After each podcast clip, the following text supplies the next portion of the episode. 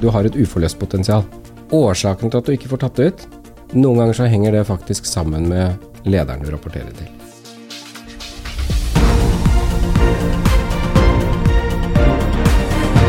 Dette er All In med Oslo Business Forum. Dagens gjest er en erfaren, kunnskapsrik og herlig frittalende hodejeger som kan sitt fag, og er opptatt av at rekrutteringsprosess blir best mulig for alle parter. Ta når en toppleder til en lokal hjørnesteinsbedrift skal rekrutteres. Hvis det er feil person, kan det få konsekvenser for kandidaten, for bedriften, de ansatte og i verste fall hele lokalsamfunnet. Dagens gjest, Bendik Blindheim, har fortalt meg at han allerede under utdanningen ønsket å bli hodejeger, og at dette, etter mange år i bransjen, er en livsstil, langt utover en 8-4-jobb, men at han også er bekymret for bransjen sin, for overetableringen av velmenende rådgivere som underbyr tjenesten, så skal eller kan sikre rett person i rett lederrolle.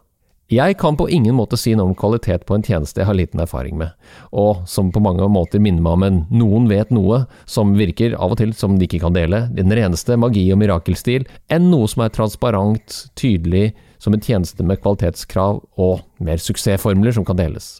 Derfor er jeg svært spent og ser fram til å lære av administrerende direktør i Isko Group, og vår samtale der jeg håper på å lære mer om 1. Finnes det en oppskrift om hvordan man treffer best mulig med en ansettelse av en toppleder? 2. I en nær framtid med alt smartere algoritmer basert på digital data om hver og en av oss, vil hodejegerne gradvis bli erstattet av en regnesentral i skyen. Og 3. Hva kan vi som ikke jobber så tett med personlighetsanalyser og tanker om skikkethet, lære av erfarne hodejegere? Velkommen til podkasten All In med Oslo Business Forum, en podkast for ledere som er lidenskapelig opptatt av ledelse, innovasjon og strategi.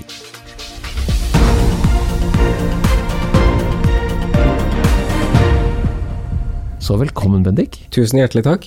La oss sette i gang. Finnes det en oppskrift på hvordan man eh, ansetter toppledere? Ja, nå berører du jo eh, et tema hvor jeg har egentlig lett etter denne ligningen, denne suksessoppskriften, så lenge jeg har holdt på. Og jeg er veldig usikker på om det finnes en oppskrift, men det finnes noen ting som det går an å starte med hver gang, og, og um, vi gjør jo det hos oss. Vi har jo alltid hatt et mantra i ISKO som er vi skal ikke bare flytte mennesker fra AtB, men vi skal også flytte virksomheter fra AtB. Det høres flott ut. Og da gjør du det Er det noen ting du gjør likt hver gang? Ja. Det er, det, hva er det da, Bennik? Altså Det du egentlig ber meg om nå, da, det er jo å avsløre liksom hele hemmeligheten. Altså, verden har jo likt å, å, bli tryllet for, ikke sant? så nå skal jeg komme med trylleformelen. Ja, Det bruker vi altså tre minutter på, og så er vi ferdig med det. Ja, Du skal få den. Det vi alltid gjør, det er at vi prøver å kle på oss drakta til kunden. Og ved å kle på oss drakta, så vil vi gjerne skjønne hva er ambisjonen og strategien. Eh, og vi bruker faktisk ganske lang tid på det å dekomponere en strategi. Og så bruker vi en modell eh, som kommer fra Roger Martin, som er 'Playing to Win'. Vi er veldig glad i å oversette ambisjon og strategi og prøve å finne hva slags kompetanse er det som driver den strategien, eller kan realisere den strategien. Da må vi gjennom noen steg først. Og de stegene er vi veldig gode på, men det handler om eh, hvor skal du konkurrere, og hvordan skal du vinne? Og hva er det du da må ha på plass, eller få tilført, eller styrket, eller utviklet for å få realisert ambisjonen din?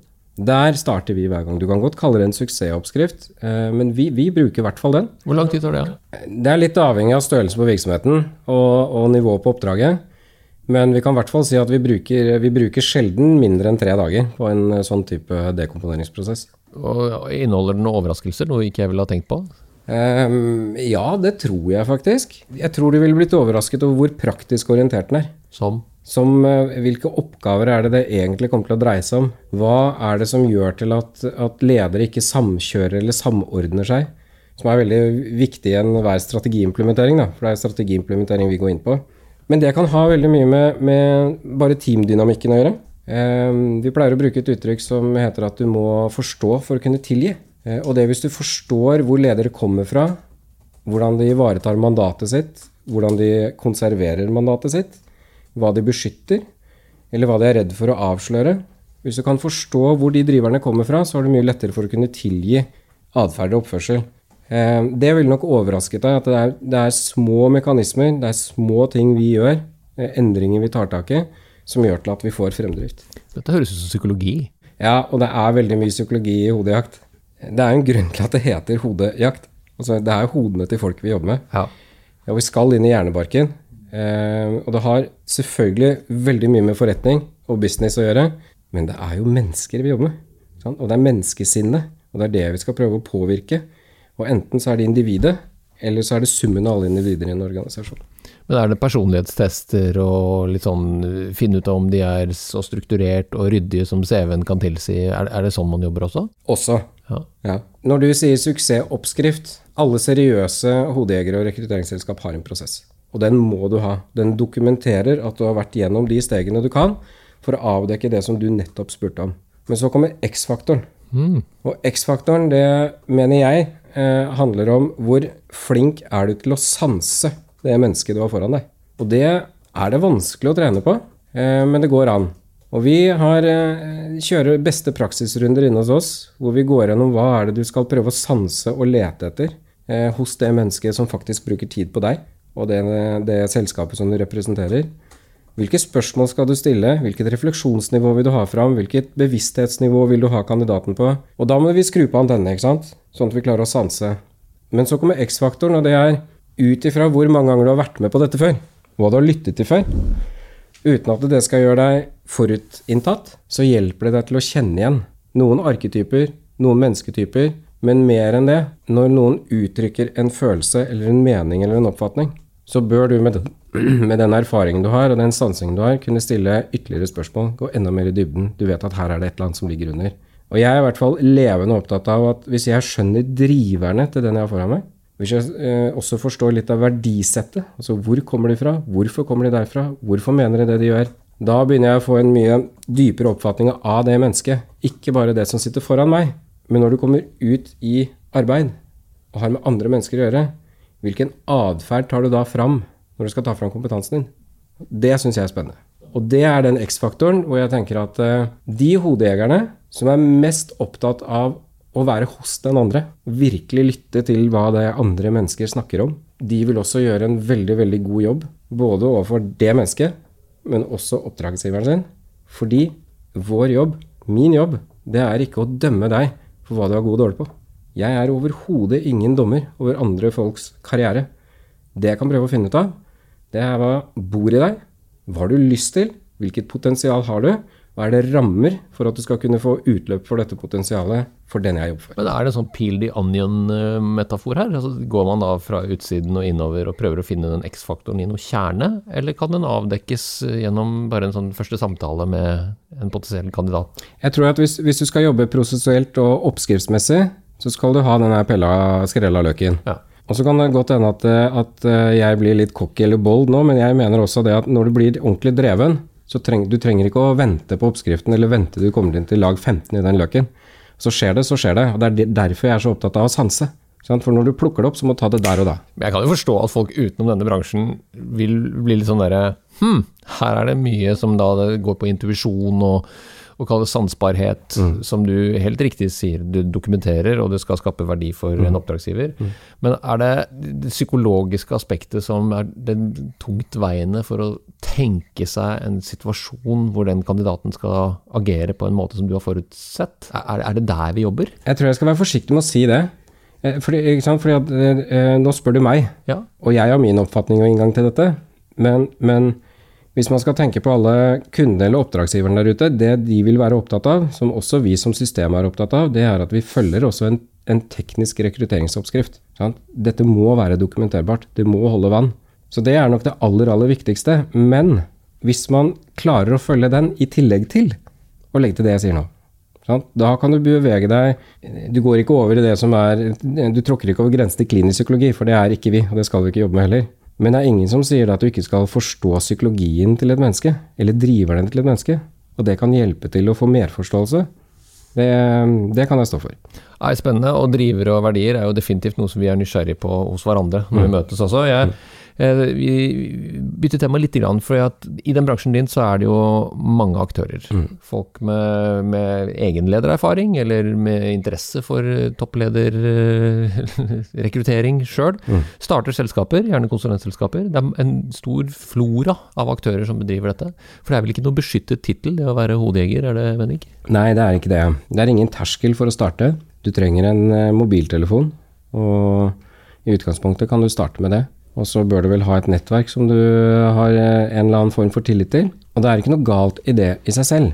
Det jeg savner, i og med innledningen din, som handlet om denne hjørnesteinsbedriften, i og med at vi forvalter så stort ansvar og bør ha en enorm samvittighetsfølelse for jobben vi legger ned, på vegne av enkeltindividet, alle ansatte, hele bedriften, muligens lokalsamfunnet og kommunen, så skulle det ha vært en, det vært en utdannelse. Det skulle vært en sertifisering.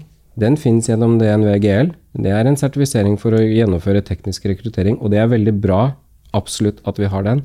Men det er ingen profesjon som krever en utdannelse. Og så skal ikke jeg si at, eh, selv om jeg sa det, at det burde ha vært, skulle ha vært, men jeg kunne ønsket meg det, for å rephrase. Jeg kunne ønsket meg det. Og det handler om at jeg tror det er mange som ser på vårt yrke, vårt håndverk, veldig transaksjonelt. Og så er det vel litt penger i det òg, i hvert fall fra utsiden? Det er jo en drøm om å gjøre kjappe penger og, og tjene altså Hvis du har Rolodexen din og driver liksom rundt med visittkortene, og så flipper de, og så flytter du mennesker hit og dit mm. med jevne mellomrom, så kan du sikkert tjene en million, halvannen på det. Og hvem har ikke lyst på det, hvis du tror det er så lett? Men så lett er det ikke. Men det kan jo bite deg litt i halen etter et år eller to eller tre også, da? Det gjør det. Ja, det gjør det? Ja, det er akkurat det det gjør. Ja. Altså For de som jobber på den måten, så vil jeg tro at det biter deg i halen. Det første som skjer, det er at du går tom. Altså den Rolodexen har plass til kanskje 100 navn. Og når det er tomt, eller en kunde bare ville ha to av de, hva gjør du da? Hvis ikke du har system eller prosess eller metode eller mennesker rundt deg som virkelig driver god rekruttering. Da er du ute av det. Og så blir det jo, som jeg insinuerte også i læringspunkt nummer to, ja, det er jo en utvikling nå med mer og mer datafangst på systemnivå. Ja. Og går an å gjøre grovanalyser av eh, potensielle kandidater mm. raskere enn i hvert fall for ti år siden. Mm. Og for ikke snakke om for 20 år siden. Hva, hva ser du ti år fram i tid? 2031, hvordan ser det ut da? Den utviklingen der, den heier jeg skikkelig på. Ja. Det er liksom det første. Og så kan det godt hende jeg er litt utradisjonell der, men jeg syns det er gøy å både tenke, observere og undersøke det som kan disrupte vår egen bransje. Og ikke minst håndverk. Og så ser jeg at, at det er mange gode årsaker til at dette bør bare utvikles i raskere og raskere fart. Og det har med effektivitetshensyn å gjøre, og, og løse fremtidige kapasitetsutfordringer. Særlig for større virksomheter. Men for å svare på spørsmålet ditt, hva tror jeg om 2031? Der skal jeg være litt forsiktig, at nå skal jeg snart sette meg på flyet. Og så skal jeg sitte sammen med et teknologiselskap nettopp for å finne ut av Fins det en måte å lage en plattform som kan gjøre ganske dype, gode prediktive analyser? Bruke strukturerte, ustrukturerte data til å finne ut av én ting, og den velger jeg å ikke nevne hva er, som gjør til at um, eh, man kan øke presisjonen på modenheten for å, å skifte jobb når man er, eh, sitter som toppleder. Så det handler ikke nødvendigvis om den, det volumet som går på å gjøre videoanalyser, eh, som går på å kjøre det gjennom eh, evneprøver før det går til et intervju, sånn at du vet at du sitter med best mulig kvalifisert ut fra de forutsetningene du har avdekket, og så kan velge mellom en, et lite andel av mennesker. Så du liksom går trakta her til hit. Dette handler om noe helt annet igjen. En pulsmåler? Ja, ja, det er cherrypicking med data... Merker du pulsen går opp eller ned? Ja, den går veldig opp. ja, du blir ivrig på dette. Jeg gjør det. Så. Du må ikke glemme at jeg i bånn er, er dataingeniør. Så jeg har aldri tatt ut med datamaskin, og det skal verden være veldig glad for. Men det er et eller annet, altså i ingeniøren sin så er det noe som kverner. ikke sant? Og i mitt sinn så kverner dette her med nytenkning, innovasjon, Eh, må vi gjøre det på denne måten? Er dette bærekraftig over lang tid? Eh, jeg tror ikke det. Men jeg tror det er noe som er bærekraftig over tid. Ja, men... Til, tillit mellom mennesker. Ja. Ja, det at du og jeg sitter og snakker sånn som vi gjør nå, det at vi kan fange opp ting i hverandres samtale Vi kunne helt sikkert startet en helt annen type samtale fordi vi har et tillitsnivå. Hvis jeg hadde gjort det jeg noen ganger gjør i samtaler og intervjuer, så er det noe du har sagt nå som jeg, har, jeg er egentlig veldig nysgjerrig på. Så hadde jeg stilt deg det spørsmålet det, du får ikke gjort den form for interaksjon med, en, med datafangst og dataanalyse. Dette er en, definitivt noe vi skal, burde ha hatt mer tid på, men jeg må også vri samtalen opp på noe annet spennende jeg vet du er opptatt av, og som dere i ISKO har jobbet med, og ja. det er mangfold. For ja. Jeg hadde jo tenkt i inngang til den samtalen jeg skal snakke mer med deg om data og og utviklingen mot skybaserte løsninger og algoritmer. Men så nevnte du bare så vidt det var her, at dere jobber jo også med mangfold og mangfoldsledelse. Men på en litt annen måte enn det jeg kanskje hadde trodd at et hodejegerselskap eh, ville. Mm. For jeg ville jo tenkt at uh, dette gjør de sikkert for å få kartlagt gode kandidater der ute. Men fortell om ISKO mangfoldsledelse. Ja, eh, veldig gjerne. Det er et prosjekt vi har jobbet med i ganske lang tid, litt over halvannet år. det det egentlig handler om, det er en knapphet på ressurser. Det er en krig etter talentene. Eh, det er Bedriftene, arbeidsgiverne, opplever at det er for få talenter å ta av. Og det er innenfor veldig mange forskjellige typer bransjer, men også profesjoner. Og så vet vi at det er en det er en gruppering av mennesker man har veldig liten kompetanse om, og det er alle flerkulturelle med akademisk bakgrunn. Det vi har sagt, det er at vi er jo her for å løse fremtidige kapasitetsutfordringer, samtidig som vi skal finne morgendagens ledere. Det er jobben vår. Da må vi kanskje være best i Norge. Ikke kanskje, men da må vi være best i Norge på å identifisere flerkulturell kompetanse, vite hva som skal til for å utvikle og integrere flerkulturell kompetanse. Og Vi gjør dette ut ifra et businessformål, vi gjør det for bedriftene, men vi vet selvfølgelig at her er det et stort samfunnsoppdrag som vi alene ikke kan være med å løse, men vi kan ta en del av ansvaret. Og så er det slik da at eh, med 40 års historie som, som et av de virkelige premium-brandene i Norge, så skal vi bruke posisjonen vår, kjennskapen vår, renommeet vårt. Vi skal dytte det foran oss, og så skal vi gjøre en skikkelig god jobb med å ta det ansvaret som det eneste norske ordentlige executive search-selskapet på det nivået vi er. Vi kan gjøre det, og vi skal gjøre det. Hvordan fungerer det i praksis, da? I praksis er det slik at uh, vi har uh, rekruttert inn egne folk som kommer fra uh, sentralforvaltning, direktorat, som har jobbet praktisk med inkludering og mangfold, men som også har, som, som kjenner irrgangene til hvorfor det er vanskelig. Eh, I tillegg til at vi kobler det med vår egen rekrutteringskompetanse, så har vi satt opp en verdikjede, en tjenesteportefølje, som handler om at denne jobben klarer ikke vi alene. Det første vi gjorde, var å gå ut til bedriftene for å spørre om er det et reelt behov. Og hvis dere har et behov, hva, hvor ligger behovet, og hva er årsaken til at man ikke lykkes? Så hele, hele tjenesten, verdikjeden, den er satt opp ut ifra hva kunden ønsker eller trenger. Så har vi vært i diskusjon med, med Nav. Vi skal ikke være et uh, sysselsettingstiltak. Ehm, vi gjør ikke dette bare for kandidatenes del.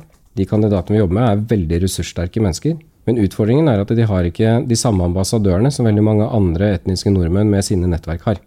Vi har gjort dette i overensstemmelse med IMDi. Vi har snakket med NOKUT, vi har vært hos næringsforeningene, vi har vært hos andre aktører som jobber spesialisert med dette, og vi har vært ute hos de som er profesjonelle på å skaffe mentorer. Og så ser vi at alle prøver å få til den samme oppgaven, men det er ingen av de som er brede, dype eller store nok til å ta totaliteten. Og vi har sagt at vet du hva, det navet, det kan vi være. Så lenge vi gjør det som en profesjonell aktør, så kan vi sette sammen denne verdikjeden av, av tjenester og tjenesteleverandører. Så det vi gjør da, det er at vi går inn til eh, virksomhetene, og så hører vi hvor er det dere kommer til å oppleve fremtidige kapasitetsutfordringer, og så gir vi dem en mulighet til å åpne opp kandidatuniverset sitt ved å se på flerkulturelle med akademisk bakgrunn. For vi vet at det er ingen andre som skal ha så stor kunnskap, innsikt og tilgang på disse menneskene som det vi er. Fantastisk bra, og ikke helt uproblematisk. Jeg jobbet i mange år på Handelshøyskolen BI og traff mange av disse kandidatene som du nå omtaler. Mm. Og fellesnevneren, i hvert fall for min opplevelse med de, som har vært i én-til-én-samtaler med mange, er jo at de skulle så gjerne ha fått muligheten til å vise ja. Eh, hva de ikke bare står for og, og kan dokumentere gjennom vitnesbyrdene sine, mm. men de mangler inngangene. Men det er klart, er det, noen andre, det, er, det, kommer jo flere utfordringer her også. For vi vet jo i rekrutteringsprosesser generelt så har vi jo en tendens til å rekruttere folk som er like oss. Samme type verdisett, mm. samme type drivere, for det er trygt. Dette kan jo være en potensiell utfordrer for mange en liten organisasjon eller divisjon eller hva ja. det er. Hjelper det til med det også, Bendik? Ja, vi gjør det. Og så skal jeg også være så ærlig og si at i og med at vi har holdt på med dette nå i over halvannet år, så er det en årsak til det. Det er fordi at vi når vi jobber så kundedrevet for å finne riktig strategi og tjeneste, så er det for å vite at vi ikke tar banalt på ting. Det er et enormt komplekst område, dette her. Den første utfordringen man møter, det er jo ubevisste og forutinntatte holdninger. Mm. Men så lenge man vet om det, så kan man jo diskutere og argumentere den ene eller den andre veien. Men det kommer andre ting også, og det er, det er jo ofte en mellomleder som skal ta imot en nyansatt med flerkulturell bakgrunn. Og Det er ikke sikkert at denne mellomlederen har trening eller bevissthet eller fått opplæring på hvordan er det det skal gjøres, og hva er det som møter meg da, hvilke hensyn må jeg ta. Og som du snakket om, det er jo en god del av de som, som så gjerne skulle vist seg, og det har de gjort helt fram til de står foran arbeidslivet. Altså De har kjempet om utdannelsen. Eh, det har vært mange om benet, men de har fått den. Og når de først har fått den, så har de prestert på så høyt nivå fordi at det er så få arbeidsplasser i forhold til det som det er her i landet. Så de har med seg en annen håndling om å prestere og levere. Og så kommer de inn i en, en typisk norsk organisasjon hvor det er mye større likhetsprinsipp. Og så ser de at det er andre rundt, som kanskje ikke har den samme holdningen til å, å um, Eller som har fått med seg de samme driverne for prestasjonsjag, de ser at de går forbi karrieremessig eller utviklingsmessig eller får en annen oppmerksomhet eller blir del av andre nettverk, formelle og uformelle. Og det skjønner jeg at de har vanskelig for å forstå. Men det er jo kulturen og ledelsen som må forstå dette. Mm. Så det, dette her handler ikke om integrering av eh, flerkulturelle for de flerkulturelles del. Dette er også en inkludering fra arbeidsgivernes side. De må lære seg til hvordan er det inkludering og mangfold skal skje. Sant? Så da må du egentlig inkludere og drive en mangfoldsledelse, mangfoldstrening, i eh, ledelsesstrukturen og lederkulturen. Og så sier man liksom sånn flåsete at ja, ja, alt skal jo være topplederforankret, og, og det må være eierskap hos toppledelsen. Ja, absolutt initiativet. Men fader heller, det er jo mellomlederne som i hverdagen skal sitte og håndtere dette. Så om det kommer en beskjed fra oven om at nå skal vi være best på diversity inclusion, som jeg ser masse av der ute, prates høyt om, så tenker jeg da på hvordan skal dere få dette til i praksis, da? Når jeg observerer det, så har dere jo fortsatt norsk som konsernspråk. Det er sikkert bra, det. Det kan sikkert fungere. Men det setter noen, noen krav til, til, å håndtere de flerkulturelle som skal inn og ikke minst med, eh, mellomlederen som skal eh, ta den imot. Så det, dette området her har jeg så stor respekt for. Og jeg tror det kommer til å ta tid. Uansett hvor mange nå som kommer til å melde seg på en sånn diversity inclusion-parole. Dette kommer til å ta tid. Det, har du en egen eh, personlig interesse av å gjøre akkurat dette, Bendik? Ja, jeg har jo det. Eh, nå ser jo alle på meg da, at jeg ikke kommer fra Hobøl. Jeg er adoptert fra Bangladesh. Jeg var åtte måneder da jeg kom. Og så har jeg da en far fra Porsgrunn og en mor fra Sykkylund, så jeg har ikke den samme, absolutt ikke den samme bakgrunnen eller, eller eh, hatt rammevilkårene eller forutsetningene for de som, som, som, har denne bakgrunnen som jeg snakker om nå. Men jeg tror jeg har en, en sånn respekt og ydmykhet for hva som kunne vært alternativet.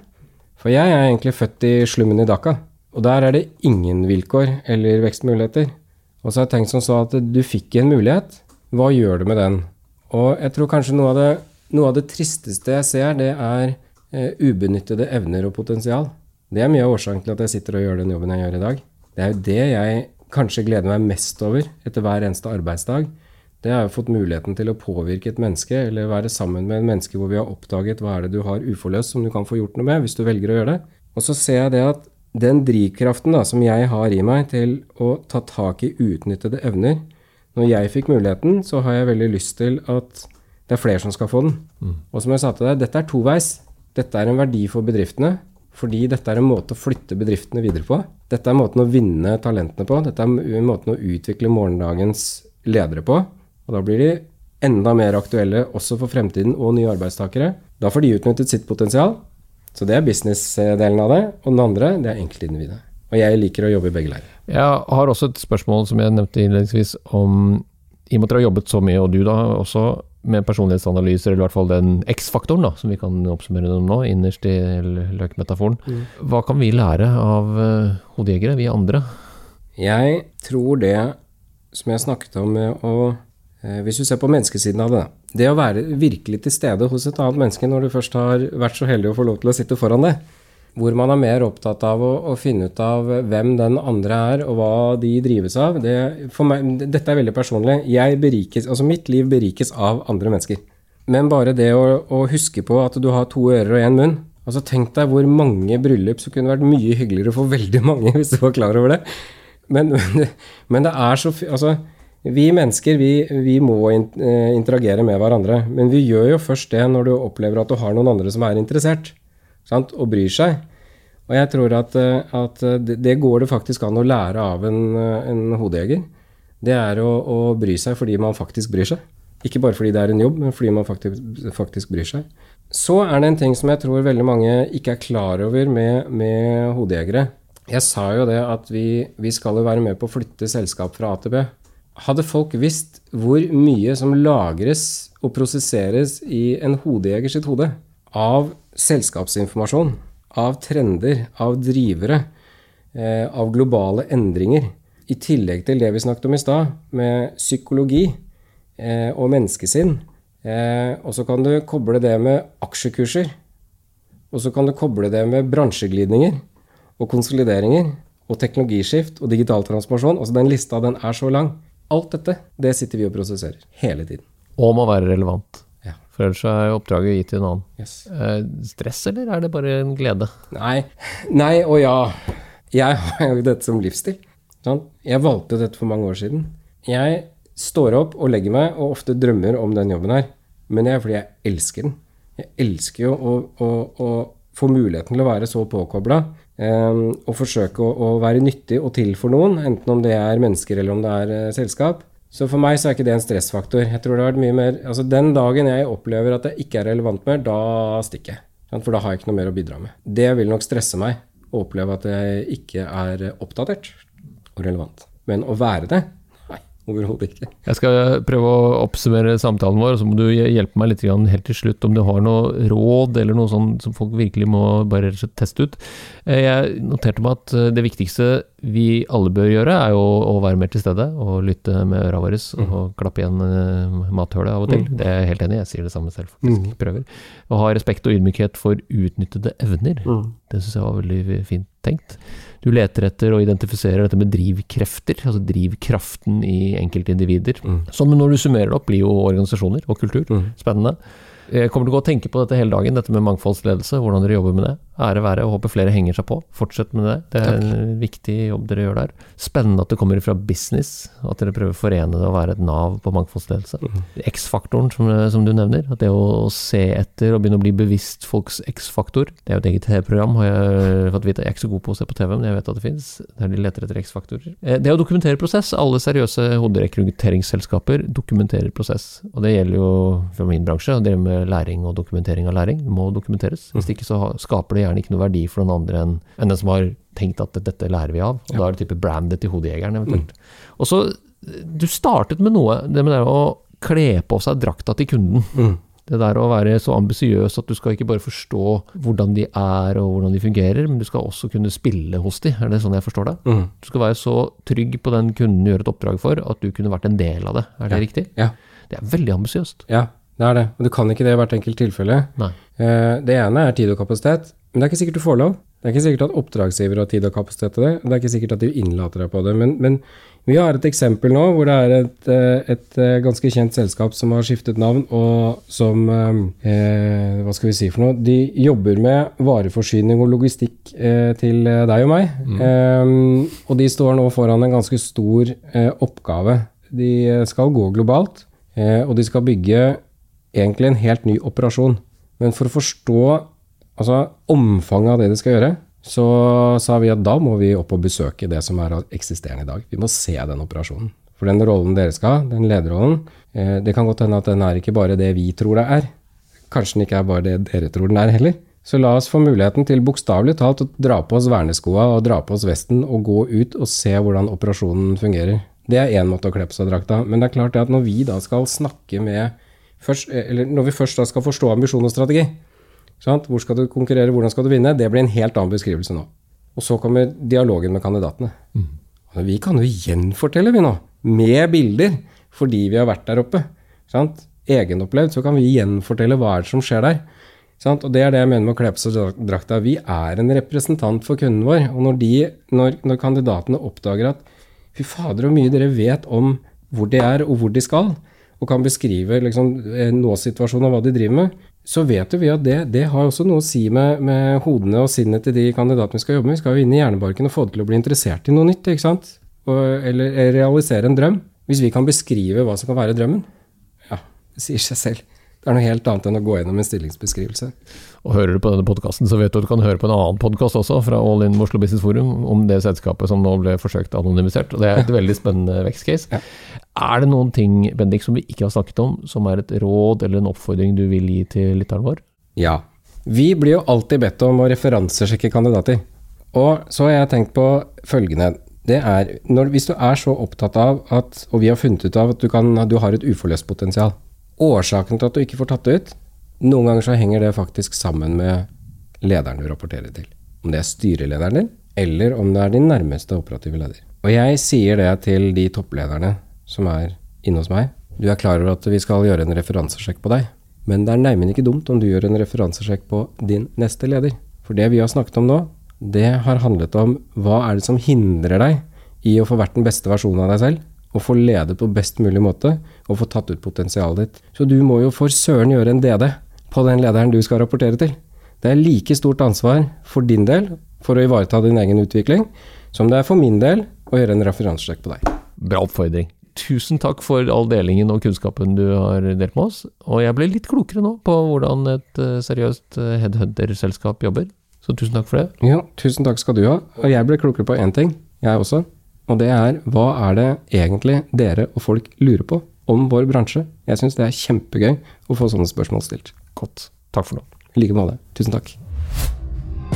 Hvis du likte denne podkasten, hadde vi satt utrolig stor pris på om du abonnerte og gir oss en tilbakemelding i avspilleren. Spre gjerne ordet videre til andre ledere som er lidenskapelig opptatt av ledelse, strategi og innovasjon. Mitt navn er Tor Haugnes. Sammen er vi all in med Oslo Business Forum.